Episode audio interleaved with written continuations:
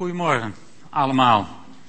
En in het bijzonder, wij zien u wel niet, maar ook een hele goede morgen voor de mensen die deze dienst via de radio horen. Ik hoop dat u ook veel zegen mag ontvangen van de viering die wij hier met elkaar hebben.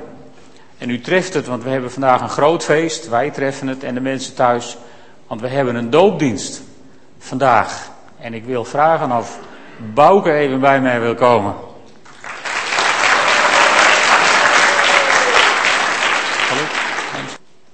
Goedemorgen iedereen. Nou, ik laat me uh, dopen vanwege de Heer. Nou, ik, ik, wil bij God horen en ik wil weten dat Jezus leeft, van mij houdt en voor me zorgt. En ik hoop van Hem. Nou, dat is mooi.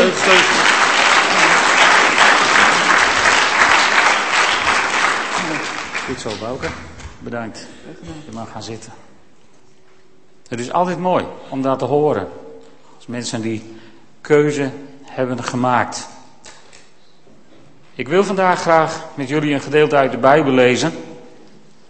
Dat is Boukes een gedeelte. Psalm 139. Psalm 139 en ik lees hem voor jullie uit het boek. Een psalm van David voor de koordirigent. Heer, u ziet alles van mij u kent mij helemaal zoals ik ben. U weet het als ik zit en als ik weer opsta. Vanuit de hemel weet u wat ik denk. U ziet waar ik heen ga en weet wanneer ik ga liggen. Alles wat ik doe is voor u bekend. Elk woord dat ik uitspreek kent u al, heren. U bent bij mij, naast mij, voor mij, achter mij. Uw hand rust op mij. Het is voor mij onmogelijk dat te begrijpen. Het is zo wonderlijk, zo hoog. Hoe zou ik mij kunnen verbergen voor uw geest? Waar zou ik naartoe moeten om u te ontvluchten?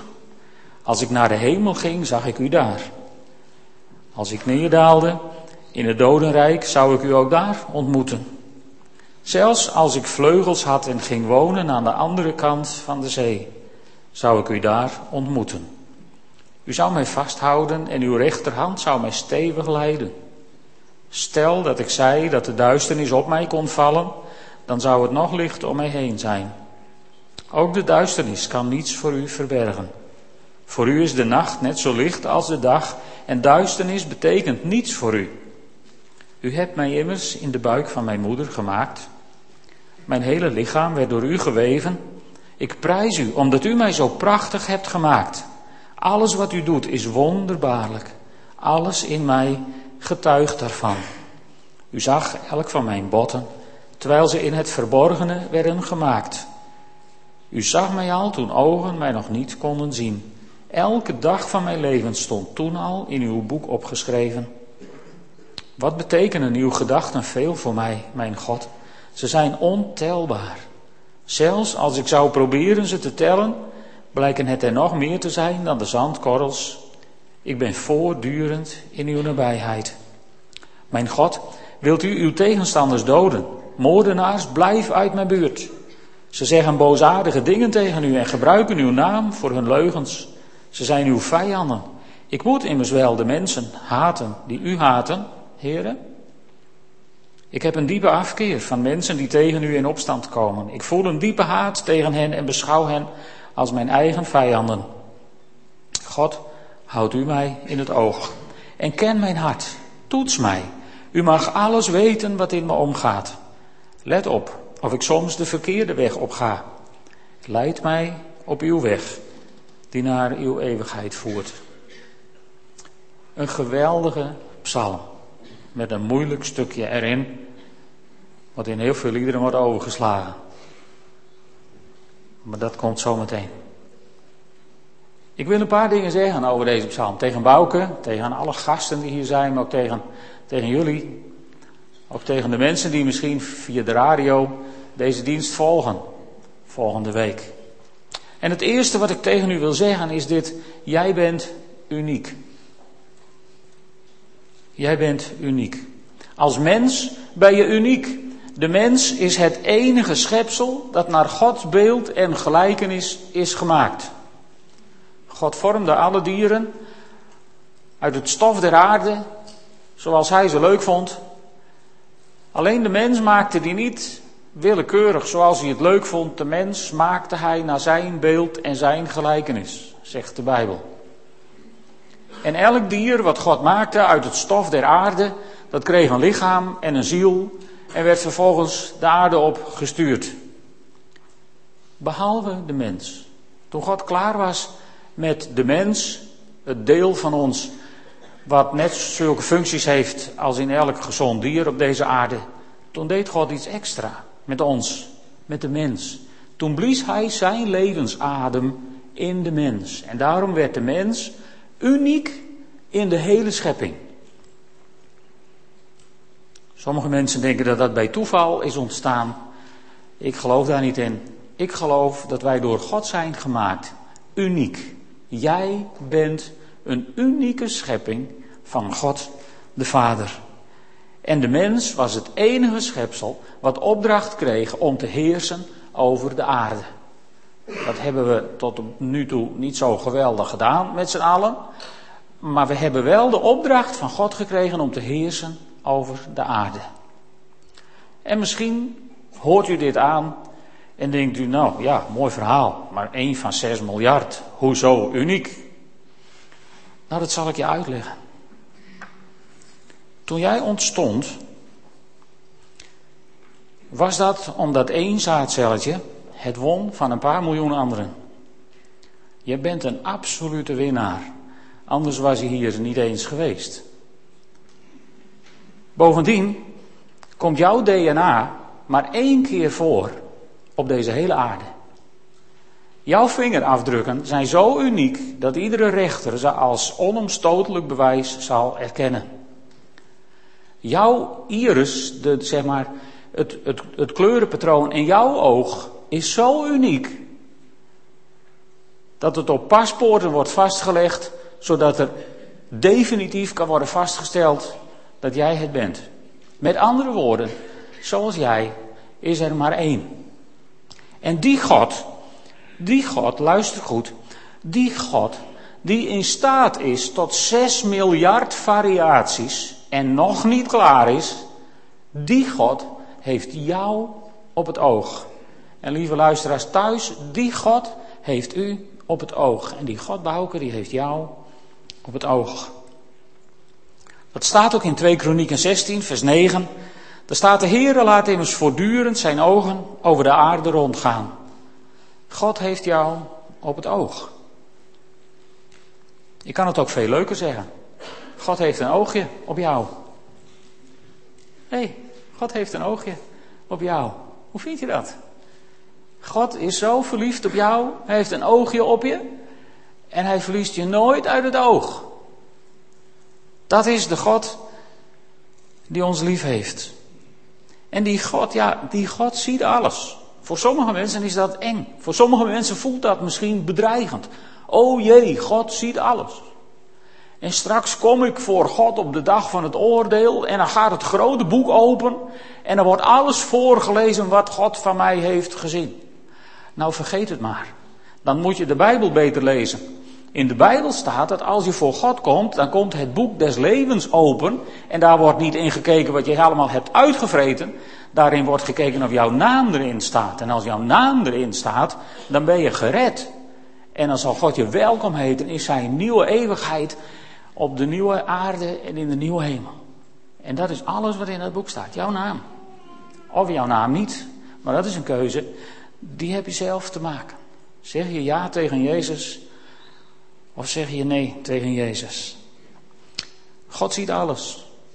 Zijn ogen gaan over de ganse aarde. Maar niet om op te schrijven wat wij allemaal verkeerd hebben gedaan. Ook niet om onze map te verkopen als we een fout hebben gemaakt. Sommige mensen geloven in een God als de wrekende gerechtigheid.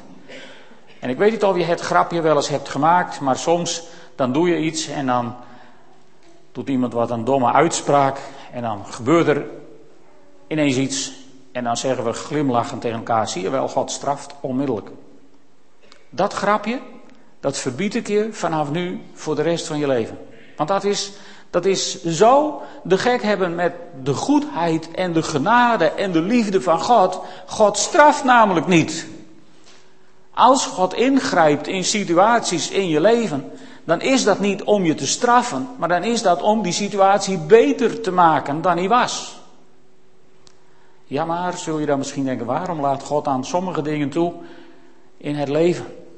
Dat weet ik niet. Ik weet alleen dat we in een gebroken schepping leven, in een wereld die in zonde is gevallen en dat was niet Gods idee. Het was ook niet Gods schuld dat de wereld in zonde viel, maar God heeft er wel mee te maken. En hij draagt de consequenties nog veel harder dan wij, omdat hij zijn zoon naar deze wereld stuurde om voor ons aan een kruis te sterven. Dat is wat ik wel weet. En waarom dan sommige dingen iemand wel overkomen en andere niet, dat weet ik niet. Maar als je begrijpt hoe lief God je heeft, als je begrijpt wat de consequenties zijn van het feit dat God een oogje op jou heeft, dan wordt dat ook allemaal minder belangrijk. Dan komt dat in andere perspectieven te staan, hoe je leven er nou precies uitziet. Weet je, God is niet zo. Maar ja, wat moeten we dan met die moeilijke versen, vers 19 tot 22? Bouke heeft een prachtig dooplied uitgezocht, dat gaat ook over Psalm 139. En, en als je op, uh, op YouTube even zoekt, dan zijn er veel meer mensen die prachtige liederen hebben gemaakt op Psalm 139.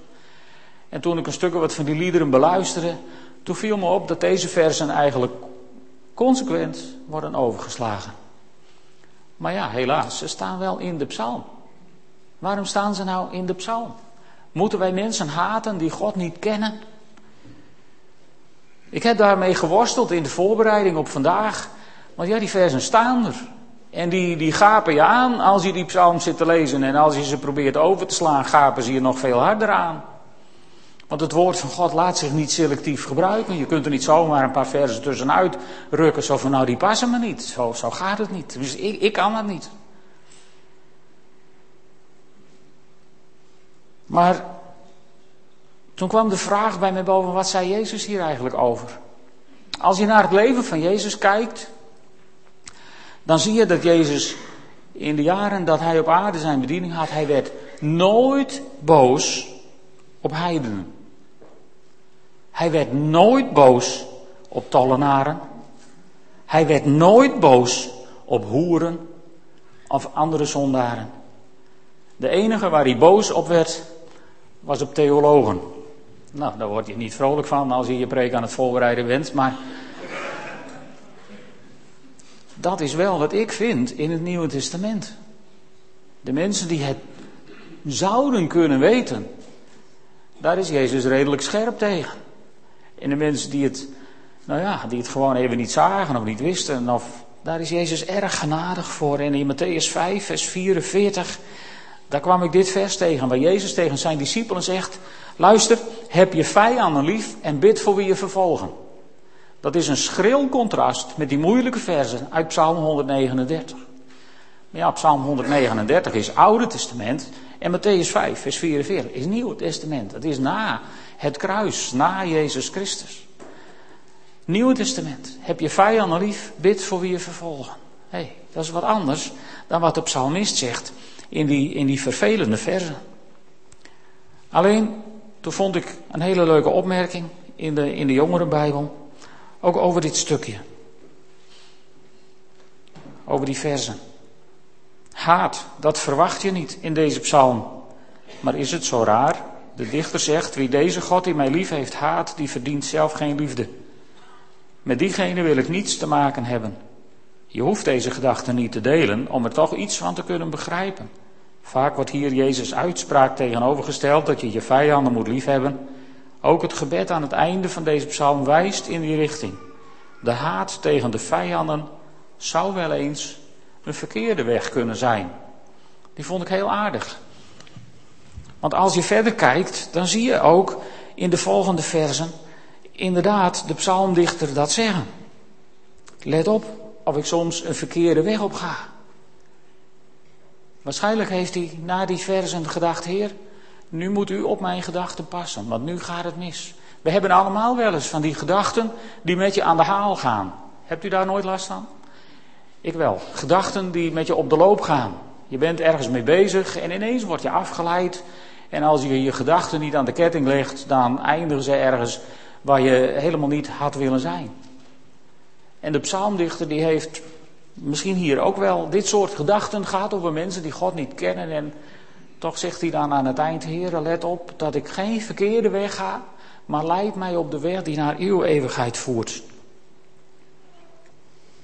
De ogen van de Heer gaan over de hele aarde. Zo staat het in de NBG-vertaling. Zoals het in 2 Kronieken 16 vers 9 staat. En waarom gaan die ogen van de Heer over de hele aarde? Daar hebben we al wat dingen over gezegd. Nou, niet om een hele hoop nare dingen te doen, maar de ogen van de Heer gaan over de hele aarde om krachtig bij te staan. Dat heet evangelie, blijde boodschap. Gefeliciteerd, lieve mensen. De ogen van de Heer gaan over de hele aarde. En de Heer ziet je, die ziet u, die ziet u ook luisteraar thuis. Die weet waarom u niet in de kerk zit, maar thuis voor de radio. En hij ziet u, hij zoekt u met zijn ogen, hij heeft een oogje op u, hij heeft u op het oog, hij heeft u ook nooit uit het oog verloren. En dat doet hij om je krachtig bij te staan. God wil je helpen in jouw situatie. En ik ken jullie situaties niet allemaal persoonlijk. Van sommige mensen wel, maar van een hele hoop mensen ook niet. En er zijn vandaag een hele hoop gasten. En er luisteren mensen naar de radio, die ken ik helemaal niet waarschijnlijk. God kent jouw situatie. Psalm 139 maakt dat eigenlijk helemaal duidelijk. Heer, u ziet alles van mij. U kent mij helemaal zoals ik ben. U weet het als ik zit, u weet als ik opsta. U weet zelfs vanuit de hemel wat ik denk.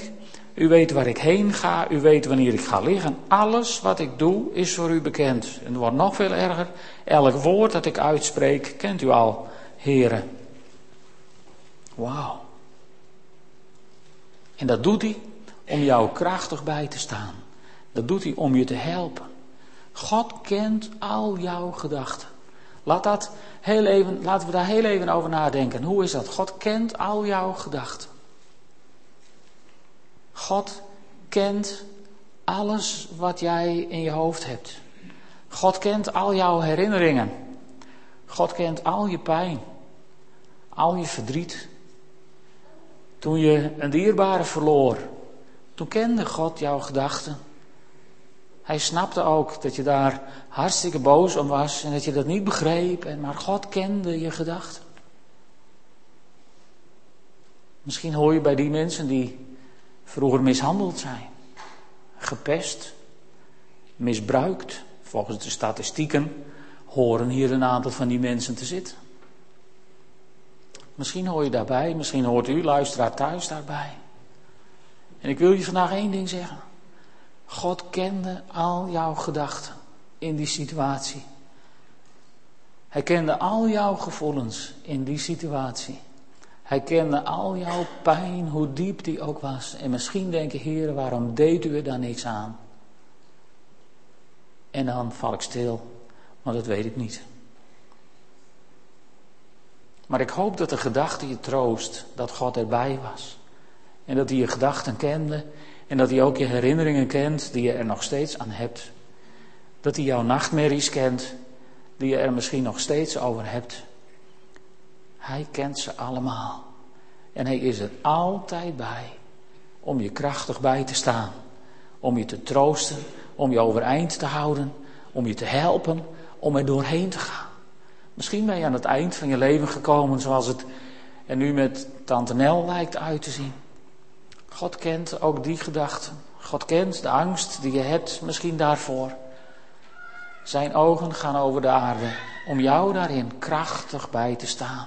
En op je op een geweldige manier door de meest verschrikkelijke situaties heen te leiden, zodat je het kunt overleven.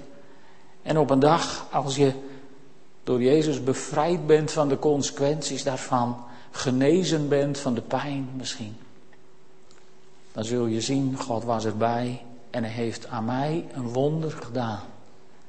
Dat is onze God. Zijn ogen gaan over de ganse aarde om krachtig bij te staan. Maar om wie dan krachtig bij te staan? De uitverkozenen misschien? Uiteraard, de uitverkozenen. Ik ga het er nu niet over hebben wie dat dan wel of niet zijn. De leden van een kerk? Ongetwijfeld gaan Gods ogen over de ganse aarde om de leden van een kerk krachtig bij te staan. Dat heb je ook wel nodig. Gods ogen gaan over de ganse aarde om de trouwe kerkbezoekers, gasten, krachtig bij te staan. Natuurlijk. De ogen van de Heer gaan over de ganse aarde om de harde werkers in de kerk krachtig bij te staan. Ook die harde werkers die ervoor zorgden dat het hier lekker warm was toen hij hier kwam. En die harde werkers die zorgden dat er straks heerlijk koffie is om met z'n allen nog lekker te koffie drinken en na te kletsen. De harde werkers die, die de liederen hebben ingestudeerd en de techniek hebben klaargezet. Nou, en ik, ik, het is te veel om ze allemaal op te noemen. Want dan vergeet je altijd weer iemand. Ook de harde werkers wil God krachtig bijstaan.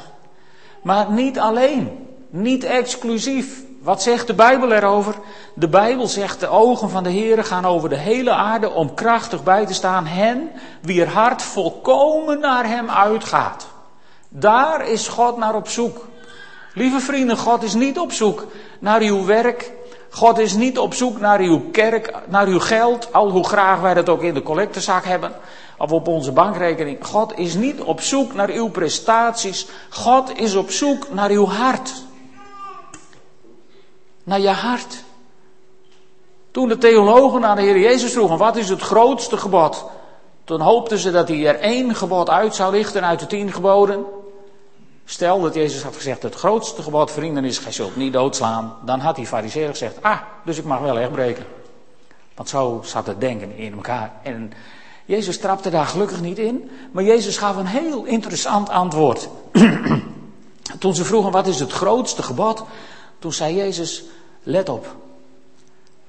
Gij zult de Heere uw God liefhebben. Met heel je hart. Met heel je ziel. Met al je verstand. En met alle kracht die in mij is. En als je dan nog een element over hebt in je leven, besteed je dat maar aan wat anders. Nou, dan is er niks meer over.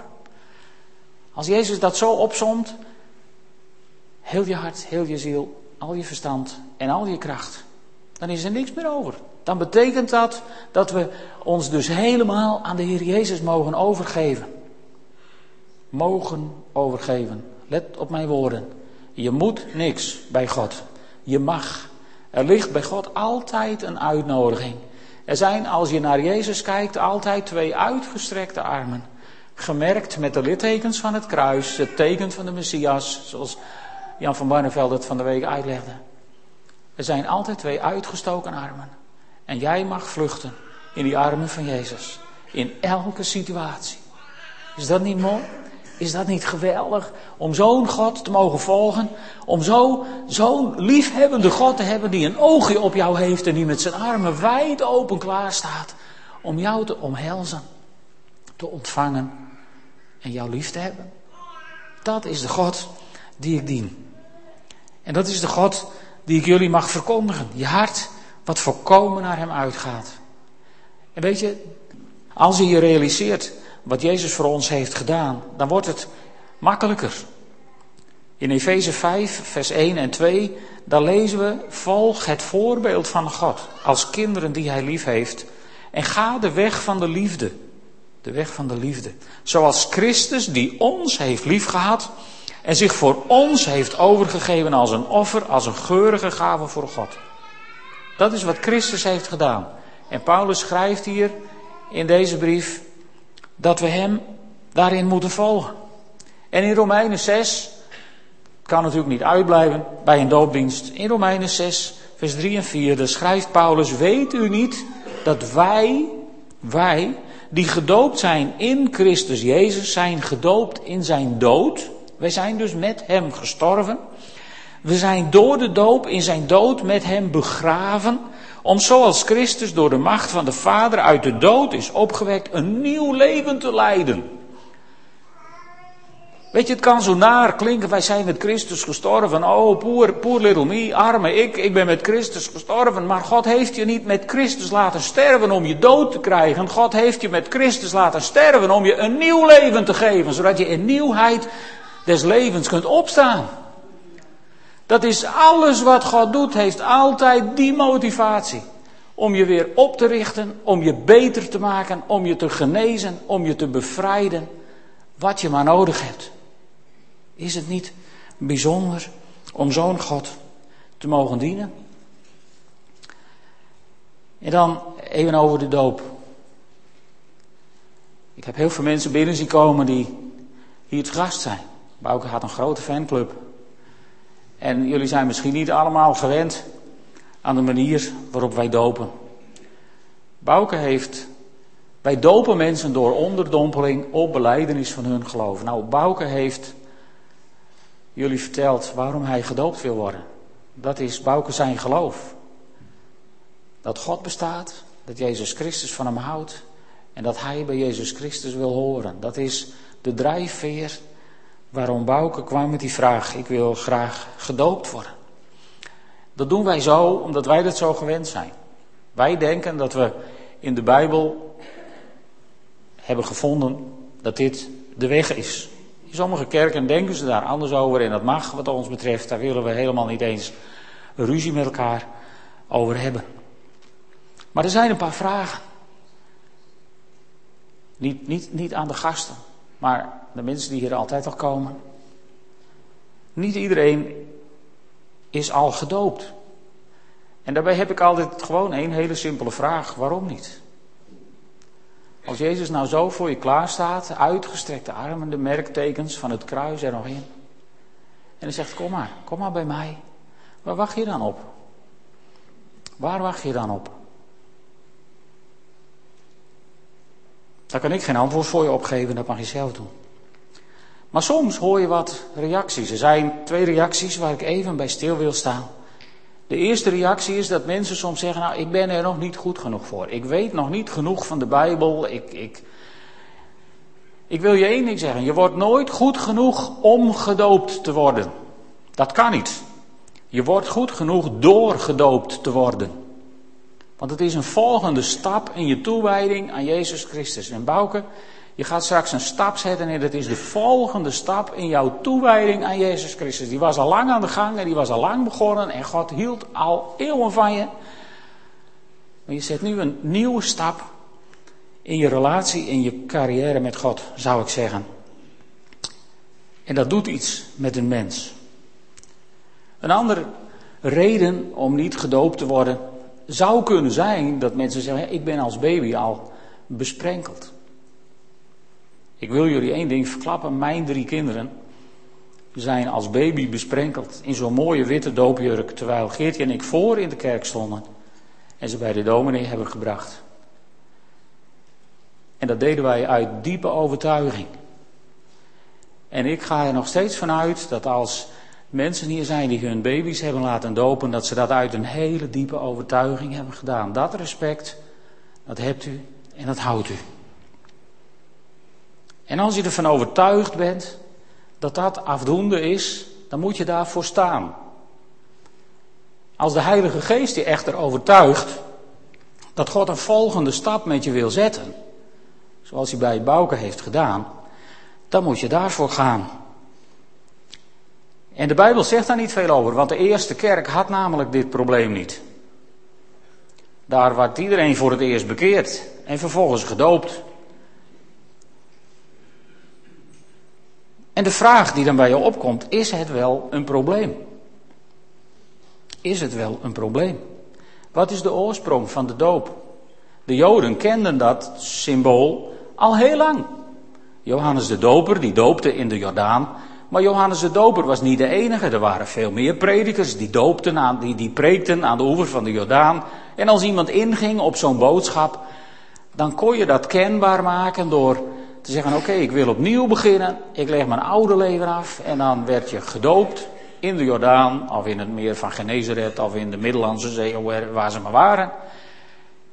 En dan ging je verder. Het was een rituele reiniging. Als je in Israël komt en je bent op Qumran, waar ze de dode zeerollen hebben gevonden, daar wonen de Essenen. Die hadden het ritueel dat ze dagelijks zichzelf doopten of lieten dopen voor een rituele reiniging. Elke orthodoxe Jood, voor zover het in zijn mogelijkheden ligt, gaat iedere vrijdagavond naar de synagoge om ondergedompeld te worden in schoon water. Zoals de Bijbel dat voorschrijft, voordat je het heiligdom van de Heer binnenkomt, je kleren uit, schone kleren en je, je reinigen en schone kleren aan. En daar is de doop uit afgeleid. En als Paulus in Handelingen 19 mensen tegenkomt die, die gedoopt zijn met de doop van Johannes, dan vindt hij niet een of andere truc uit om dat recht te strijken. Dan doopt hij ze gewoon nog een keer in de naam van Jezus Christus. En dan wil ik niet pleiten voor een herhaald proces van dopen elke keer, maar als iemand denkt, nou het lijkt me leuk om nog eens een keer gedoopt te worden, zullen we dat even. Nee, dat gaan we niet doen. Maar eigenlijk hebben wij met z'n allen iets uitgevonden door te zeggen, ja, de doop is een absoluut eenmalig iets. Nou, dat, dat staat nergens in de Bijbel.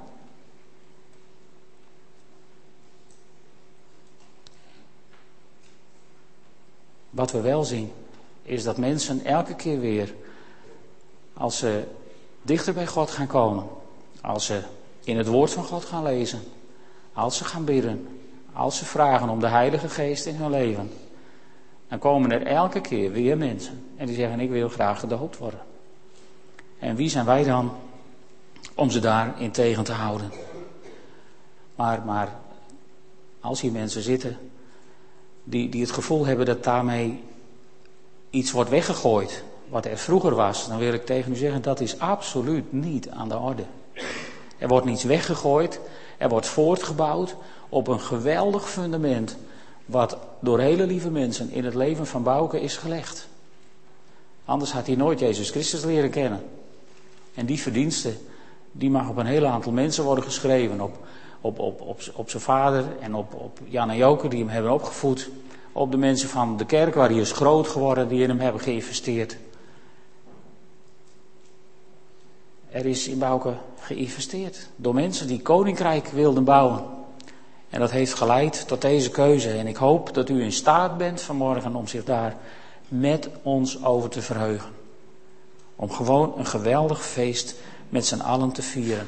En weet je, als je zo ver bent gekomen dat je je volledig kunt overgeven aan God, aan Jezus Christus, met zijn ogen die over de hele wereld gaan, om je krachtig bij te staan, dan, dan wil je niet eens meer ontkomen aan God dan verandert Psalm 139 helemaal. Want als je eerst Psalm 139 leest, dan, dan lijkt het wel op een psalmdichter die, die nou, er een beetje van baalt dat God alles weet en dat God alles ziet. En die begint met, ja, ik, kan wel, ik kan wel naar de overkant, ik kan wel naar Amerika vluchten, maar daar bent u ook. En ik kan wel hierheen en ik kan wel daarheen. En er is geen ontkomen aan. Dat zo lijkt het een beetje. Een beetje wanhopig lijkt die psalm. Maar dan aan het eind heb ik het idee, dan heeft de psalmdichter, die heeft God leren kennen en die heeft een ontmoeting met God gehad. En dan zijn die laatste paar versen, die zijn, God, houd u mij in het oog. Laat me niet los. Ken mijn hart, toets mij. U mag alles weten, Heer, wat in me omgaat. Let op of ik soms een verkeerde weg ga en leid mij op uw weg die naar de eeuwigheid voert. Aan het eind is er geen paniek meer omdat God alles weet is er geen, geen paniek meer omdat je God niet ontsnapt, maar is er één hartewens van Heere God, laat mij nooit aan u ontkomen. Is dat niet mooi? Als je zover bent gekomen dat dat je wens is, dan ben je vast verbonden aan God. En dan, dan, dan, dan kun je ook zo'n lied zingen, bijvoorbeeld uit het liedboek. Ik heb de vaste grond gevonden waarin mijn anker eeuwig hecht.